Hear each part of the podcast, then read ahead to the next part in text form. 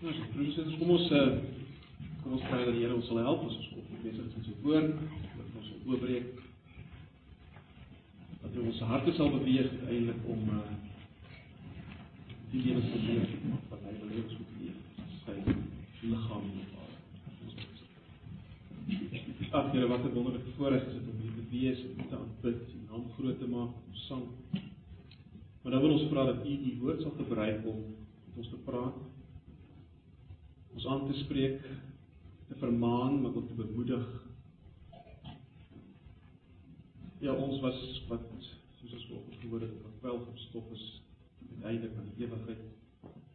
Waar ons uiteindelik voor U moet staan en rekenskap gee oor ons lewens. Ag ja. Ons verwagting is wat U het. Kom praat. Kom werk. Ons bevel dat volgens die hier is nie weg is vir die lang naweek. Elkeen wat siek is, swaar kry in die oggend, vir Uself en hulle openbaar in die oggend. Hulle bemoedig verstaan. Wens van Jesus. Asseblief. Ons vra dit naam. Amen. Ja, ons is besig met Markus. Ons bly nou in Markus hoofstuk 2.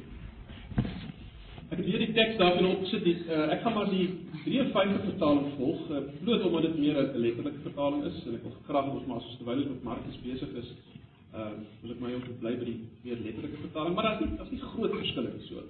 Oor nie te veel te plaas hier ook dat 83 vertaling. Maar terwyl daarvan dat julle kan presies weet waar ek is, daar is dit op. Markus 2, kom ons lees vanaf vers 1. En na 'n paar dae Onthou nou dit vroeër voor uit vers 16 uit waar ons gestop het verlede Sondag. En na 'n paar dae het hy weer in Kapernaum gekom en die mense het gehoor dat hy in die huis was. En dadelik het baie saam, dis al weer die woord dadelik opmerk, né?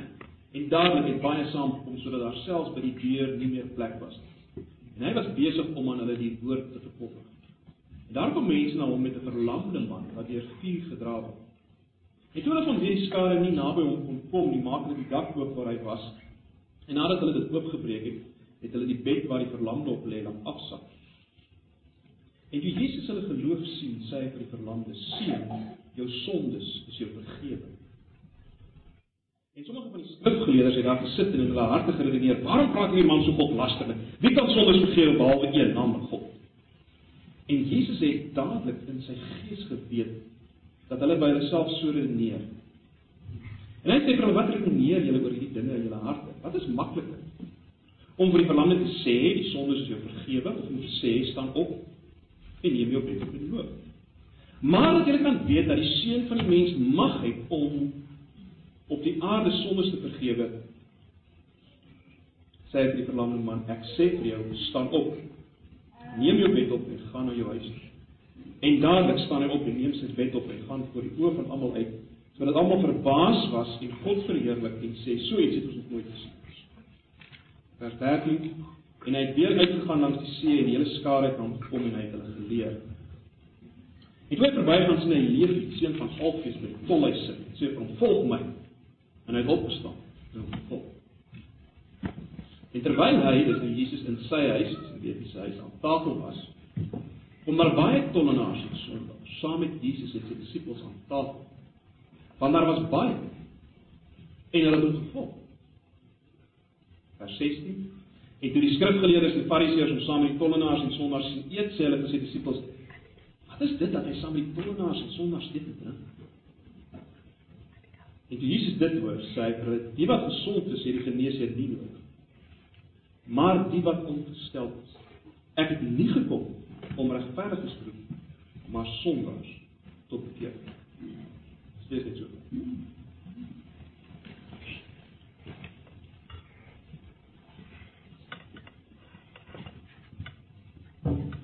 Die koninkryk van God het naby gekom, bekeer julle en glo die evangelie.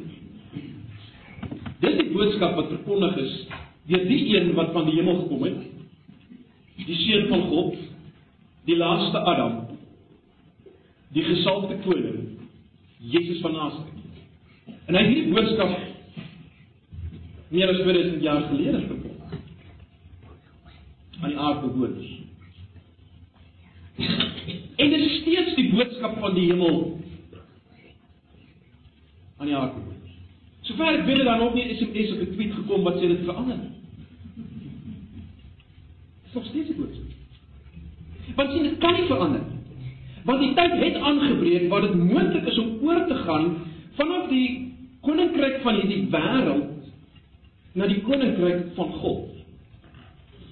Dit is steeds so. Terloops, jy wat hier sit vanoggend is of nog deel van die koninkryk van hierdie wêreld of jy's deel van die koninkryk van God. Daar's net twee moontlikhede. Wat is die koninkryk van God? Want ons het daaroor gepraat. Die koninkryk van God, ek wil sê 'n beter vertaling is waarskynlik die heerskappy van God is is waar God die middelpunt is. Waar alles om hom draai, waar hy besluit oor reg en verkeerd, oor lewe en dood. Waar sy wil gedoen word. Jy sien waar hy heerskappy voer en sy wil gedoen word en waar alles in verhouding is, in verhouding met hom, in verhouding met mekaar, in verhouding met mekaar. Dit is die koninkryk. Dis wat sy heerskappy geskied soos dit was in die begin. En broers en susters, juis omdat hierdie heerskappy so radikaal verskil van die heerskappy waaronder elkeen van ons van nature is, die koninkryk waarvan waaraan elkeen van ons van nature behoort. Daai koninkryk waar ons die middelpunt is, uh, waar die wil van die wêreld geskied wat verloops eintlik maar die wil van die Satan is volgens Efesiërs 2, uh waar ons uit verhouding is met God en uit verhouding is met mekaar en dikwels oor die geskakel wêreld. Jy sien, hierdie heerskappy van God verskil so radikaal van van hierdie heerskappy wat waaronder ons is, hierdie koninkryk waarna ons behoort, dat daar 'n bekering moet plaasvind.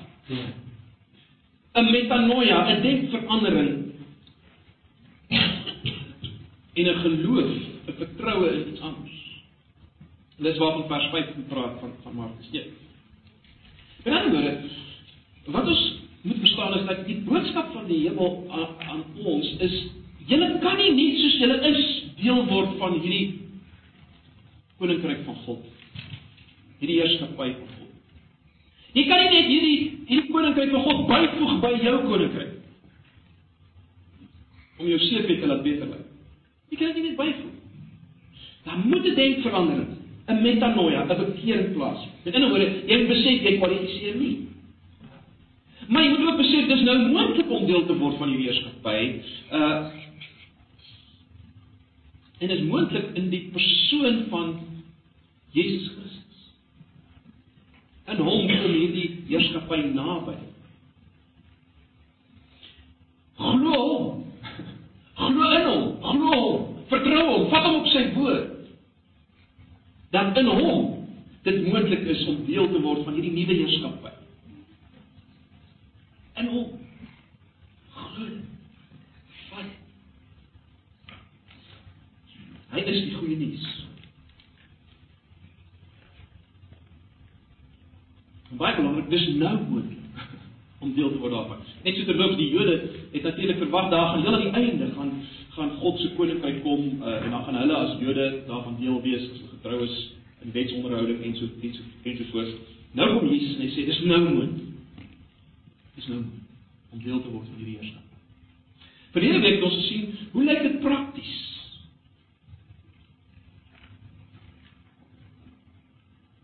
Om te bekeer en die goeie nuus te glo. Hoe lyk dit prakties om deel te word van hierdie koninkryk? En julle sal onthou, ons gekyk na die roeping van die eerste disippels.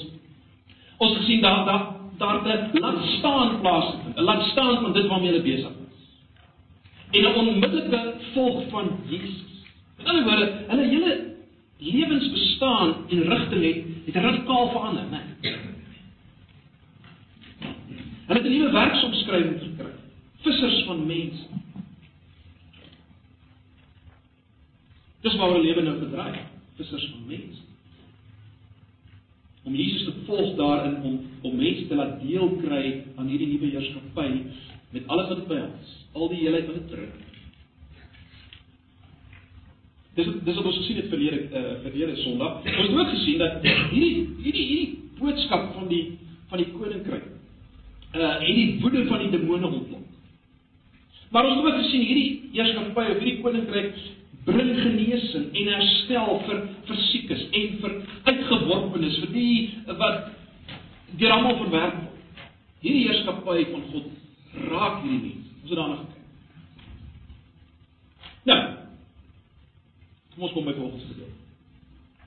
Vanoggend wil ek hê ons moet net die volgende raak sien. Ek wil hê ons moet vanoggend raak sien dat godsdienstig is hou nie van die boodskap van die. Sien jy Paulus sê godsdienstiges hou nie van hierdie boodskap van Jesus. Miskien vra jy maar hoe is dit moontlik dat enige iemand nie opgewonde kan wees oor oor oor die feit dat jy kan deel wees van hierdie heerskappy van God, die sy koninkryk? Hoe is dit moontlik dat iemand dit nie as goeie nuus kan beleef? Wel, kom ons kyk wat antwoord Markus ons hierop onder leiding van die Gees. Kom ons kyk wat wys hy ons. Kom ons kyk na die tyd toe die koninkryk van God as te ware in lewende lywe beweeg in die persoon van Jesus Christus. So kom ons kyk daarna. Kom ons kyk eers na hierdie gedeelte oor die klepelman daar vanaf vers 2.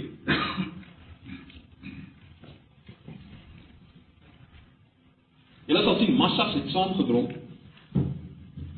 Uh terwyl Jesus die woord verkondig. Nou uh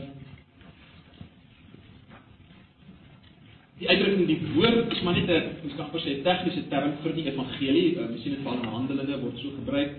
So hy hy was besig om hierdie evangelie, hierdie evangelion, hierdie goeie nuus van die heerskappy van God wat naby gekom het. Hy was besig om dit te verkondig. Wanneer hierdie massa saamgekom. En wat het gebeur terwyl hy dit verkondig? Hoe hy nou hierdie boodskap van die heerskappy van God, hierdie woord, hierdie evangelion verkondig het. Wat het gebeur? Wel, kom ons. Dan na vers 3 en 4. Dat mense gekom met 'n verlamde man wat deur vuur gedra word, vers 4 van Markus 2. En toe hulle van weer die skare nie naby hom kon kom nie, maak hulle die dak oop waar hy was en nadat hulle dit oopgebreek het, het hulle die bed waar die verlamde op lê op afsit. So wat ons hier sien is is manne wat desperaat is om hulle vriend by Jesus uit te bring. Hulle is desperaat om hulle vriend te bring in aanraking te bring met die heerskappy van God wat natuurlik in Jesus is. Jy sien hulle het geglo dat Jesus die goeie nuus is ook vir hulle verlamde vriend en in verloops uh dis ons gegee dat dat hierdie man verlam was want verlam is die toonbeeld van hopeloosheid, né? Nee. 'n hopelose toestand, verlam. Maar hierdie hierdie ouens was oortuig dat Jesus ook goeie nuus is vir hierdie verlamde van vriend. En daarom keer niks hulle, selfs nie 'n dag nie. Kyk hulle is desperaat, né? Nee. En dan sien ons dat Jesus sien hulle geloof. Hy sien met ander woorde hulle desperaatheid, hy sien hulle magtelose afhanklikheid en dan sê hy vir hierdie man, hierdie verlamde man, seun, jou sondes is jou vergeef. Nou Ek dink ons moet veel bekommerd wees oor die feit dat Jesus kyk na hierdie hierdie vriende se geloof en dan sê hulle vir die man sy sondes is vergewe. Dit klink nie ons lekker nie, né? Dis nou hulle wat glo, hy word sy sondes word vergewe. Uh wel, ek dink ons moet te tegnies daarop ingaan. Ek ek dink die blote punt wat ons moet raak sien is dat geloof is nodig.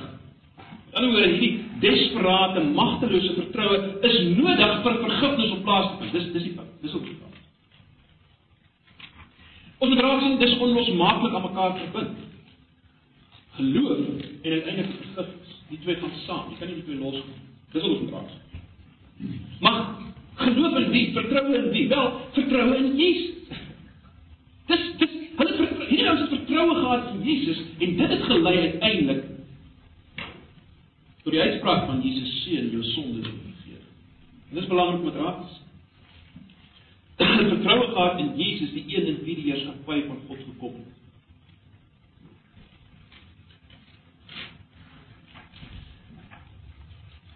In vers 12 sien ons dat almal verbaas was en God verheerlik. En daar sien ons iets van die heerskappy van God wat gekom het daar, né? Nee, want God is verheer en hom is die eer. Sy wil dit geskied en, en hy word verheer. Dis wat ons in vers 12 sien. Hulle sê ons nog nooit so iets gesien. Maar wag. Almal is nie so beïndruk nie. Het jy dit opgelet? Almal is nie so beïndruk. Die skrifgeleerdes en die fariseërs, die die kerkleiers van die dag, die godsdienstiges van die dag, ouens wat die skrif ondersoek het. Hulle was nie beïndruk. Hoe dit raak. Markus wil hê sy lesers moet raak. Kyk na vers 6 en 7. sien julle dit? Dan het hulle harte geredeneer. sien ons. Hulle sê maar hoe kan hy nou hoe kan hy nou sondes vergewe? Ons net God wat dit kan doen. Uh, die punt is sonder nou in, in, in besonderhede daarop in te gaan. Die punt is hulle was nie beïndruk met wat Jesus gedoen het. Dis jou se ding. Hierdie hierdie koninkryk van God, hierdie heerskappy van God maak nie indruk op hulle nie. Want dit strook nie met hulle idees van sonde vergifnis nie. Uh hulle voel dat hulle eintlik beter weet as Jesus. Dis ons sê. Hulle het ook net op, is baie interessant. Jesus hoor nie wat hulle sê nie, want hulle het hulle harte geredeneer, né? Hulle het in hulle harte dit geredeneer. So Jesus kan dit nie hoor nie. Maar die ongelooflike is dat Jesus het geweet wat hulle geredeneer. Hy weet wat in hulle harte aan. Van al kan hy dit nie hoor nie. Weet hy wat in hulle harte aan. Jy sien ons weet iets van sy ongelooflike sy God. Hy weet wat in hulle harte aan. Dan antwoord hy natuurlik vir hulle in vers 9 tot 11. En ek wil net net uh, weer kyk na daai antwoord in vers 9 tot 11. As Jesus sê wat is makliker om vir die verlamde te sê? Die sonde is jou vergewe of om te sê staan op en neem jou bed op en loop, maar dat jy kan weet dat die seun van die mens mag hê om op die aarde sonde te vergewe, sê hy vir die verlamde man. Ek sê vir jou staan op, neem jou bed op en gaan huis. Kom ons kyk hoe dit gaan. Dit is belangrik om raak te sien dat Jesus sê nie wat is makliker om te doen. Hy sê nie wat is makliker om te doen nie, want uh, dit is uiteraard makliker om 'n fisiese man te genees as dit is om sonde te vergewe. Hoekom? Want sondevergifnis lê buite die vermoë van 'n mens. Die Fariseërs is reg as hulle sê net God kan sonde. Dit is baie makliker om 'n liggaam te genees. Kyk, 'n dokter kan dit ook doen. So Jesus sê nie wat is makliker om te doen nie, let wel, Jesus sê Wat is makliker om te sê? Want jy sien, geestelike fly by night as jy dit so kan stel, kan vir 'n man sê jou sonde is vergewe. En niemand kan bewys dat dit gebeur het op nie. So dis dis maklik om dit te sê. Dis makliker om dit te sê. En ek sê net anders, dis baie maklik om te sê. So wat wat sê Jesus hier? Jesus sê vir hierdie mense, kyk, Julle bevraagteken my vermoë om sonde te vergewe. Gaan aan julle demonstreer dat ek nie die krag het om sonde te vergewe nie, maar ook die krag het om te genees. Ek gaan hierdie genees doen, hierdie ding wat wat in 'n sin makliker is om te doen, maar dis moeiliker om dit te sê want dit kan getoets word. Jy sien hierdie hierdie genees ding is is is is is dalk makliker om te doen, maar dit is moeiliker om dit net te sê. Jou want Wel, as jy nie genees is, is jy genees nie. Eh, dit kan getoets word. So wat Jesus hier kom doen is om te sê, kyk, my sondevergifnis kan getoets word en hierdie man se genesing is die bewys daarvan dat ek sonde kan. So dis wat hy hier sê. Maar natuurlik lê hier baie meer, né? Nee. Dis baie meer hier. Dis meer aan die gang.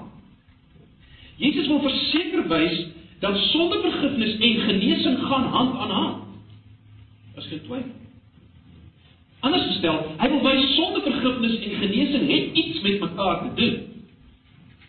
Sondevergifnis en genesing het iets met mekaar te doen. Dit is baie interessant, 'n hele aantal tekste in die Bybel gebruik genesing en vergifnis as uitruilbare terme. Kom ons kyk net net uh, twee voorbeelde. In Psalm 41 vers 5, die letterlike vertaling lees ons Ek het gesê o Here, wees my genadig. Genees my.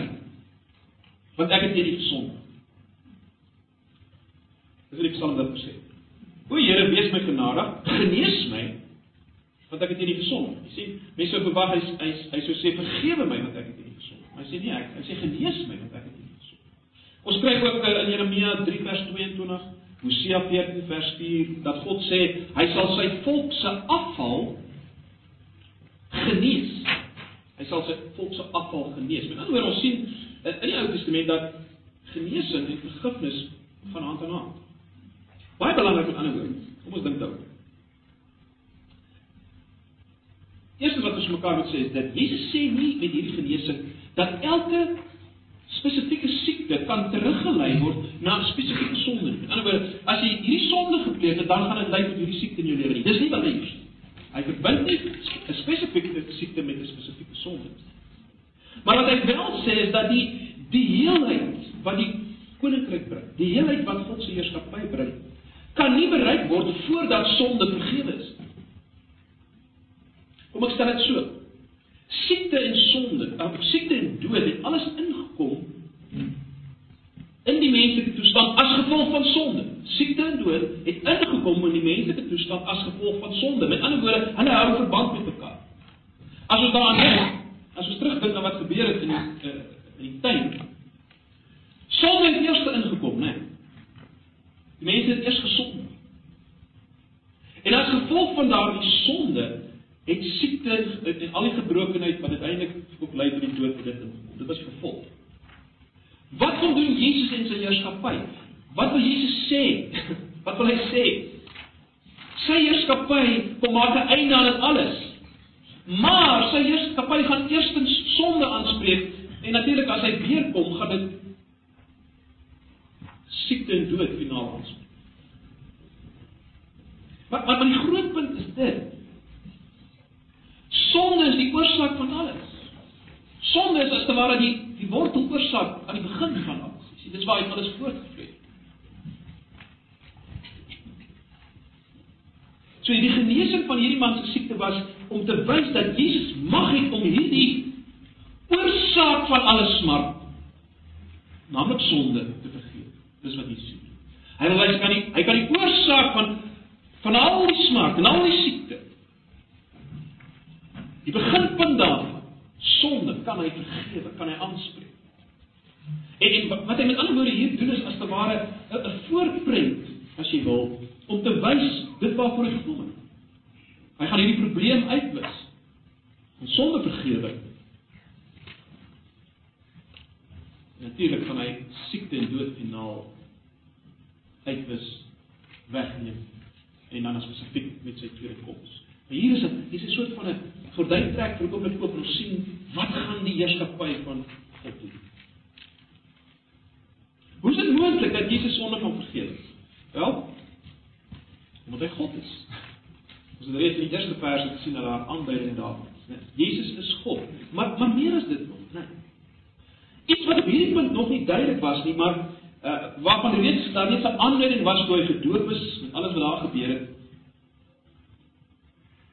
Dit wat dit my op pad is is wat? Wel die bring van die volkomme offer vir sonde. Hy gaan sterf vir sonde. Jy sien dis dis nou maklik vir hom te op vir hom te sê, jou sonde is jou vergewe, maar dit is nie goedkoop nie. Dit is hom. Dit gaan hom nog kos.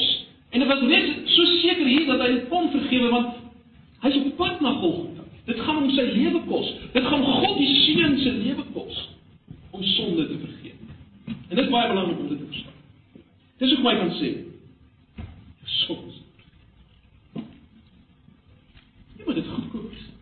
Nie moet dit maklik omdat hy wat was om sy lewe te gee te sterf vir sonde wat geen ligtelike saak is. Maar nou die belangrike ding wat ons moet raak sien vanoggend is dit.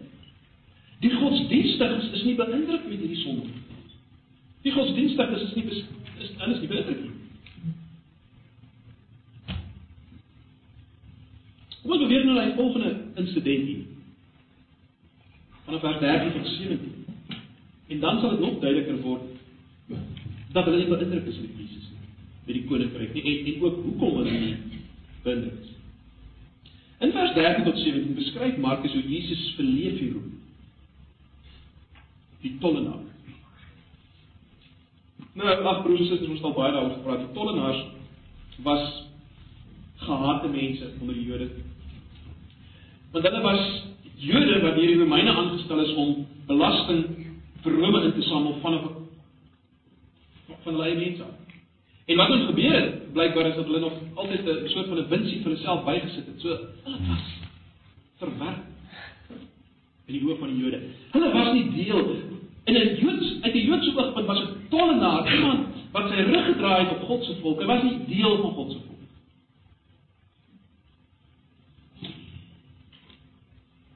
Dit is interessant, hulle word saam met die sogenaamde sondaars genoem, tollenaars en sondaars. Nou ons moet mooi verstaan wat hier aangaan. Dit beteken maar net hulle is saam met as te ware 'n soort van 'n subgroep gevorm wat nie deel was van God se volk. Uh Markus wil nie daardeur sê dat okay, daar's tollenaars en daar's sondaars en die ander ouens is nie sondaars nie. Dis net hierdie daar's daai groepie sondaars en tollenaars is net 'n ander groep. Nee nee. Dis nie wat hy wil sê. Hy wil nie 'n kategorie skep van Dit was 'n soort van 'n uitdrukking gewees van die dag. Tollenaars en sondaars, uh dit was hierdie subgroep gewees wat nie deel is van God se volk Dis die term wat daar vir hulle gebruik is. En daarom as Jesus nou uiteindelik saam eet met hierdie tollenaars en sondaars. Dit was net te veel vir die fariseërs en skrifgeleerdes. Hulle hulle kon dit net nie klaar kry nie. Hy meng hierdie Jesus meng met mense wat geen deel het aan God se volk. Hy meng met hulle. Hy eet saam met hulle.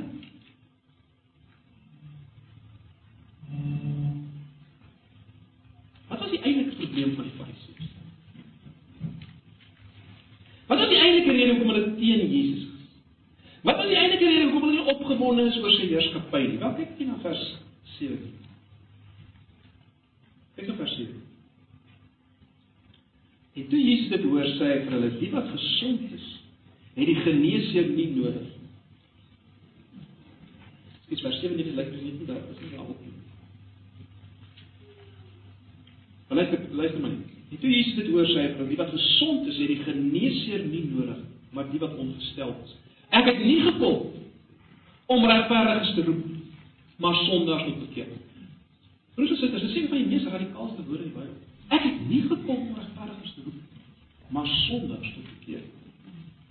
Jy sien die die die, die probleem met hierdie fariseërs en skrifgeleerdes was Hulle het hulle self beskou as mense wat nie hierdie nuwe heerskappy nodig gehad het.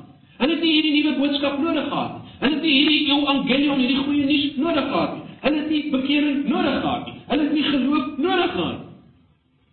Hulle het homself gesien as gesond. Hulle het homself gesien as heeltemal in lyn met die koninkryk van God. Dis hulle self gesien. En daarom is hulle verbaas dat dat hierdie man wat die koninkryk verkondig, spandeer tyd met met hierdie tollenaars en sondaars nie met hulle. Dit is van 'n vreemd. Hoekom spandeer jy nie tyd met hulle?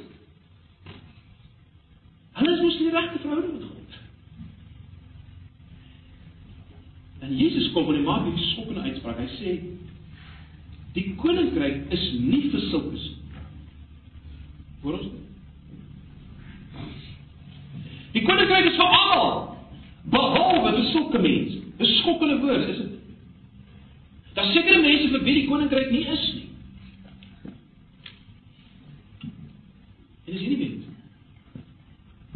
Die godsdienste van die dag. Jesus kom sê die koninkryk is net vir siekes. En dan word dit net met mense wat weet hulle het 'n probleem. Wat weet hulle het vergifnis nodig. Wat weet hulle sonde moet aangespreek. Wat weet hulle is uit verhouding uit met God en met ander. Die koninkryk is gesond. So dis wat Jesus hier sê. Maar goed, kom ons kom ons kyk na die gedeelte as in die Bybel as gemeente. Kom ons kyk wat sê. Ons nou net kyk na die gedeelte wat sê. Ek dink broers en susters dat die groot vraag wat ons onsself moet afvra vanoggend is, is baie eenvoudig dit.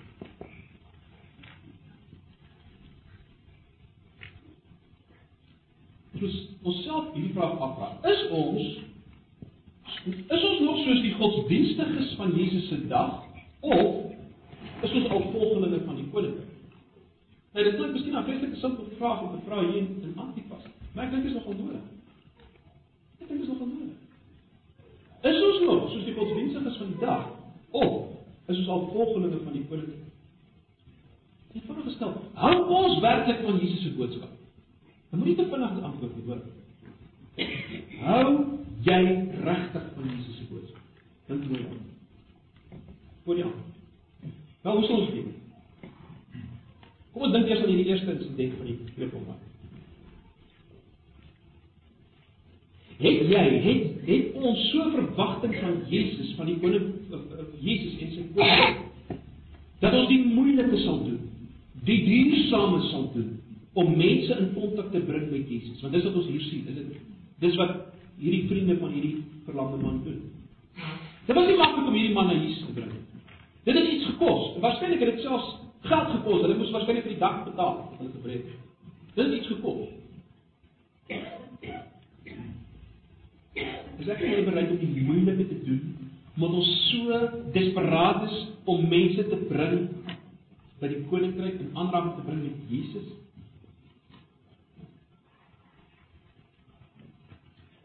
Is ons bereid om die onortodokse te doen? Ek weet dis wat hierdie ouens gedoen het, is dit? Is dit? Hulle was nie beperk deur die feit dat dit nie eintlik 'n gewone ding was om 'n dak op te lê.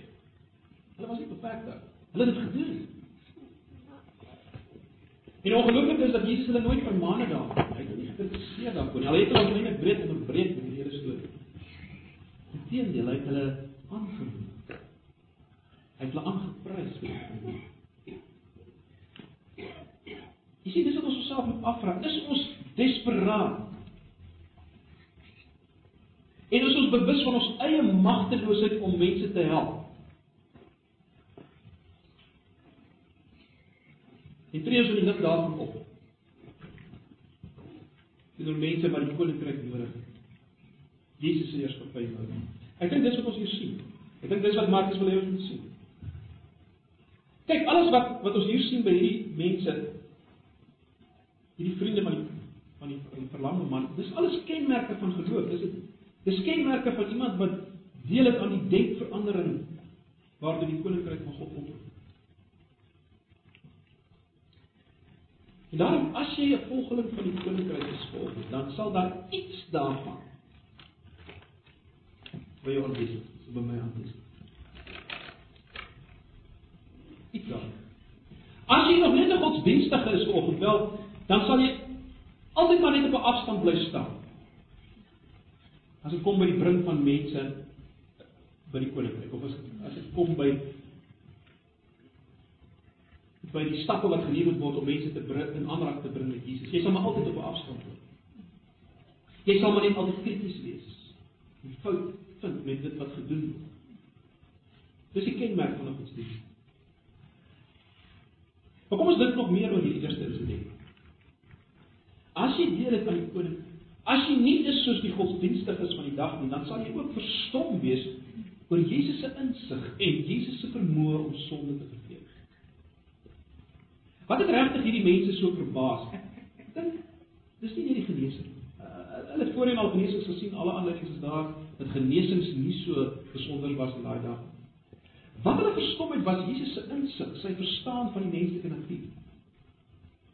En ek wonder of ek en jy vanoggend verstom is daaroor. Is ons verstom oor die feit dat Jesus weet hoe nou verweef die geestelike en fisiese is? Dat Jesus weet dat as jy geestelik siek is, is jy eintlik ook fisies siek. En vice versa. Dis iets wat ons moet leer. Broers en susters, dis iets wat ons moet leer. Ons moet leer dat ek en jy is vir God gemaak. Ons leer baie keer as dit nie so is. Ons is vir God gemaak. Ek weet nie dis die hele rede vir jou bestaan. Jy is vir God gemaak. Met ander woorde, jy's bedoel om in verhouding met hom te wees. En daarom moet ons verstaan dat as ons uit verhouding met hom is, met ander woorde, as daar sonde is wat staan tussen my en hom, dan gaan ons nie kan lewe soos ons bedoel is om te lewe. Ons sal nie kan nie. Ons moet dit verstaan.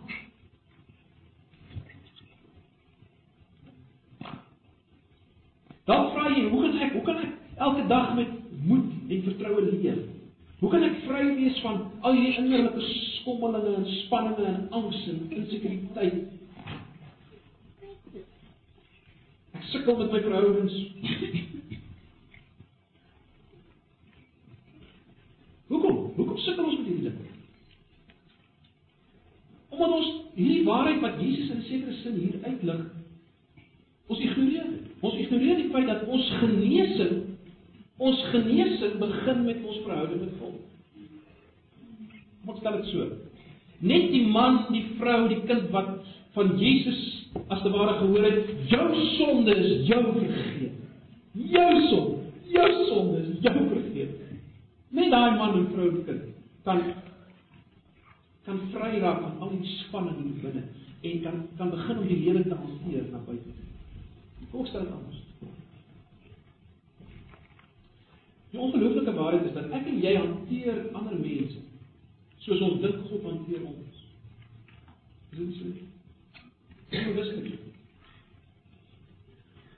As jy hard en veroordelend en krities is teenoor ander mense, as jy as, altyd volmaaktheid van hulle vereis as te ware, dan is dit omdat jy nog dink dis hoe God teenoor jou is. God vereis van jou volmaak. God is hard teenoor jou. En jy sal so wees teenoor mense. Dis net as jy begin verstaan dat God het my vergewe. God het my vrygespreek. God aanvaar my soos ek is in Jesus.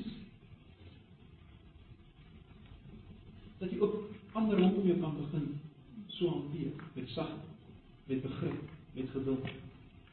Jy sien dit begin alles met die verstaan van vergifnis. Dis dit. Dit begin met die verstaan van vergifnis. Broers en susters, dit is so belangrik. Ag, ons praat baie van uh sogenaamde psigosomatiese siektes siektes, fisiese siektes wat die oorsaak is van van 'n van 'n van 'n geestelike toestand as te ware, né?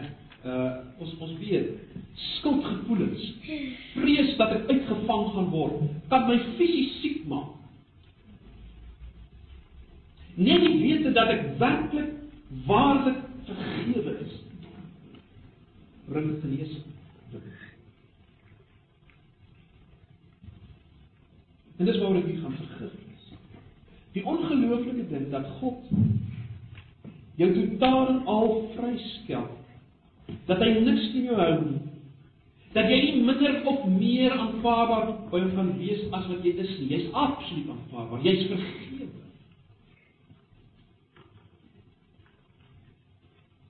God laat jou nie net op parol los om te kyk gaan jy weer oortree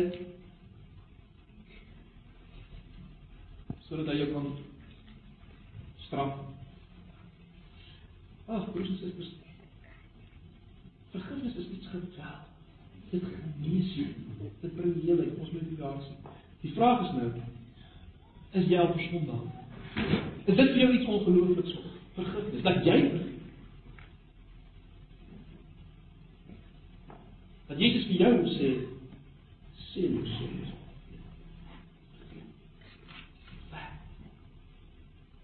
oor. As jy al desperaat dat ander dit hoor dat hulle vergewe is. As jy is, dan sal jy begin optree soos hierdie man se vriende, né? Dan sal ons so doen as gemeen. Aan die ander kant as jy nog net 'n godsdienstig is soos die Fariseërs, as jy nog nooit self beleef het dat Jesus jou vergewe het nie, want jy dink nie jy nodig om vergewe te word nie. Jy dink jy's oral, wel dan sal jy geïrriteerd wees met die hele vergifnis ding. Sien nou nou.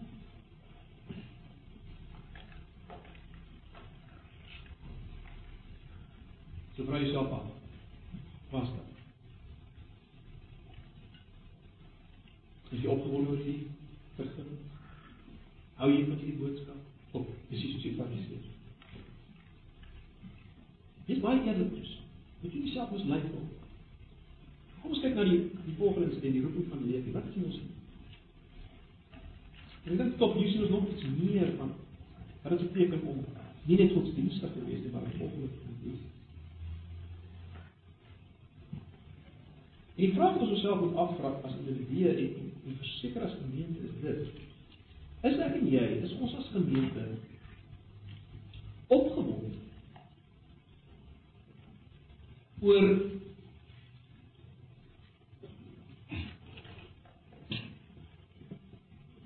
afskuwelike vuil verwerklike sondaars wat in kontak kom met. Is ons opgewonde as mense wat ons teks van hou? Mense wat ons walg.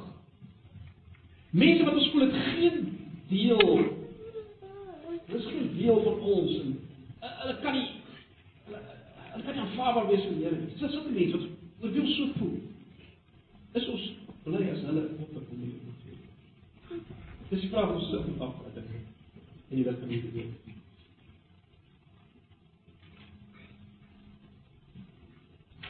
Weer eens as jy nog nooit self na Jesus gekom het nie, dan sal jy opvolg. Dit is 'n vraag ons onsself afvra.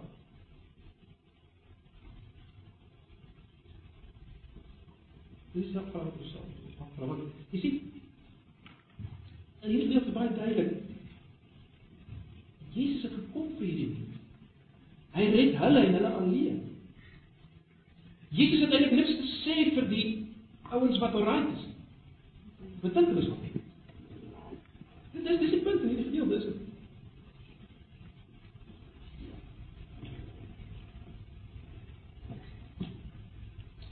Ons moet verstaan, broers en susters, as ons Jesus volg, ons gaan ook te doen kry met met sulke mense, soos mense soos Fariseërs.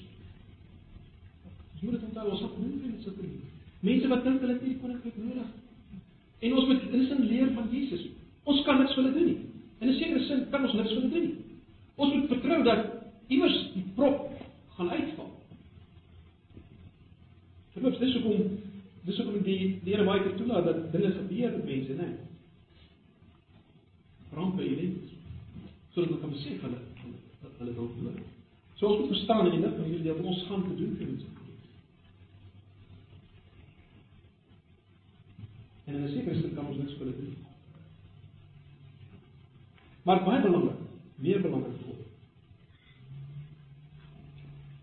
Dis die uitdaging broers en susters, is dit?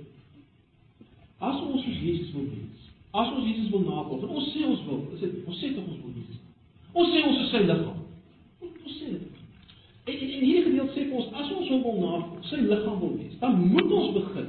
Ons kan nie anders nie as om ras en kleur en stand en stand oor te steek om mense in aanraking te bring.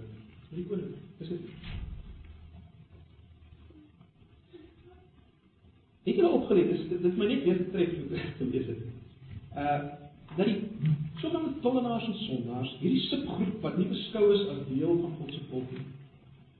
Hulle was saam met Jesus en sy disippels aan tafel. En dan staan daar hulle Jesus gevolg. sien dit in vers 5. In vers 5 sien ons. Hulle was saam met Jesus en sy disippels aan tafel en hulle het Jesus gevolg. Daai was saam aan tafel met Jesus gevolg. Dit lyk my asof Jesus in 'n sekere sin rondgeloop het en gesoek het na mense wat gereed was om te reageer as gevolg van die feit dat hulle besef het hulle stikke hulle seer dis verloor. Jesus het rondgeloop en gesoek na hulle. Die regverdiges, soos die skrifgeleerdes en die fariseërs het hulle verby gekom. Het hulle gelos. We ken die city stad uh, wat uh was baie briljante cricketspeler geloop uit 'n uh, insending in Afrika. Sy lewensfilosofie was die volgende. Ek het dit op 'n stadium vir hulle gelees, kom ek lees dit vir uit. Hy het volgens gesê, gesê some like to dwell within the sound of church and chapel bell. But I want to run a rescue shop within a yard of hell. Some like to dwell within the sound of church and chapel bell. But I want to run a rescue shop within a yard of hell. Dit was sy filosofie. Dit was Jesus filosofie. Dit was Jesus filosofie. En nou die vraag vir ons, wat is ons filosofie? Wat is Antipas se filosofie? Wat is jou filosofie? Broers en susters, wil ons werklik hê sondaars Die ouens wat nie deel is van die godsdienstige subkultuur van die dag nie, wil ons werklik hê hulle moet by Jesus wees. Deel word van sy woord. Dis die vraag wat ons vra.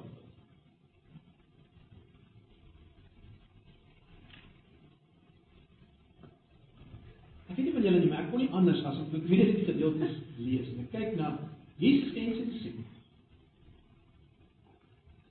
Nie anders nie as om myself te sê maar Dit is so totaal anders.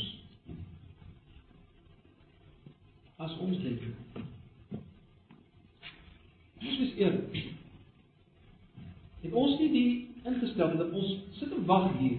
Ons wil hê mense moet oorskuif van ander gemeentes na ons gemeente. En dit moet ouens wees wat soos ons dink. Hulle moet gereformeerd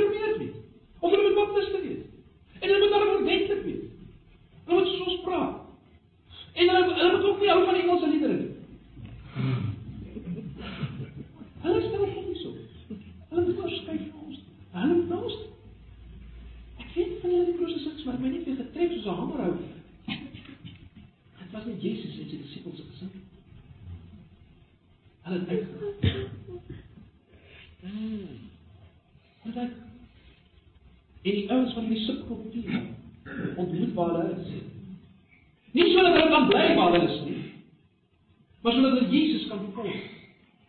Deel word van sy heerskappy, sodat hulle ook weer vissers van mense kan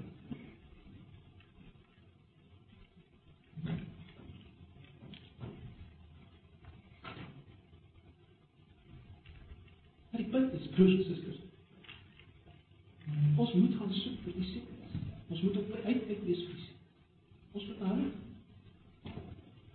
Nie net so moet hulle kan meng en soos hulle kan word en ag hulle is ook maar right. Ek weet daar so sien op vandag net. Jy moet jy moet jy moet deel wees van die die die die wêreldse mense. Jy moet saam met hulle alles doen en so aan maar jy moet ook te veel met hulle karre nie. Dis nie waar dit gaan nie. Hulle moet vir Jesus begin. Die punt is ons moet hulle gaan kry waar hulle is. Die stukke is nie die godsdienst. Hoor ons hoor ons reg. Ek vra my dit self af, hoe is dit ek ek is nie veroordeel volgens die julle nie, want ek is myself ooit my eie ding. Ag weer eens op 'n praktiese vlak, ek dink die uitdaging vir ons broers en susters om nie te dink, nie te dink oor kerk nie te dink uh, oor onsself hoe ons het nou al lank geraak.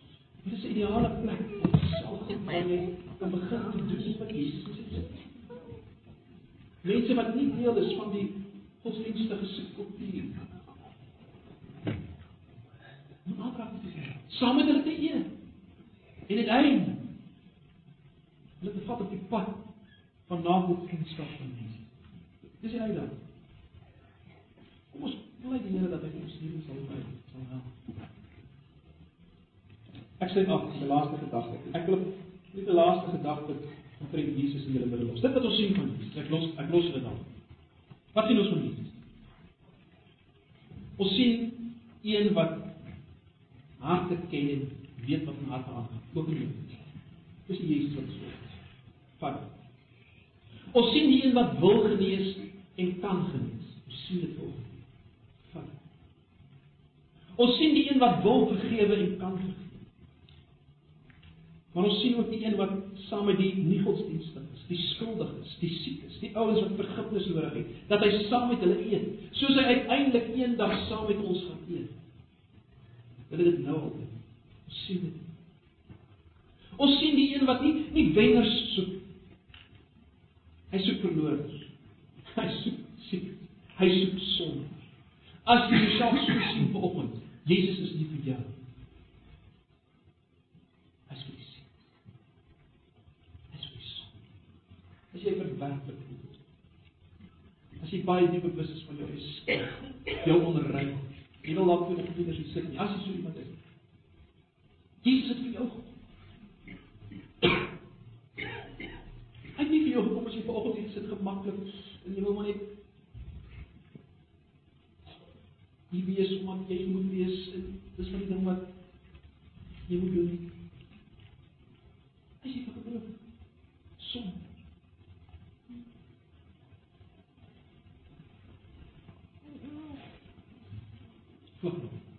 kom op daar kom jy sluit af met die nag met dit dit die groot vraag wat jy moet vra Hou jy werklik van die boodskap Hou ons as gemeente, hou Antipas regtig vir die boodskap van God. Jou woord. Mag jy Jesus dankie vir die woord. Die woord wat inderdaad skerp is en besnydend is.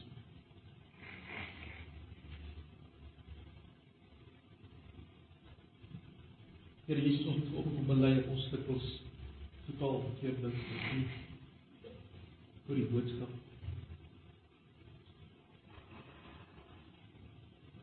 Ek wil vra dat U deur die werk van die Gees ons sal wakker wakker skrik vir myself, vir verandering in myself en haar. En elkeen van ons saam. Gee vir ons U hart. Hart vir koning, vir die heerskappy. Asseblief. Ek bid vir elkeen wat volgens is. Elkeen, ek ken hom. Ek weet by elkeen. Ek bid vir hulle wat dalk op hier sit wat nog nooit na U gevlug het. Wat net aangaan met die lewe.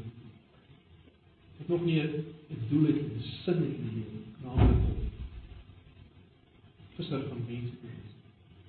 Ag. Vra antwoord. Vra. Kyk ons nou. possible, describe me.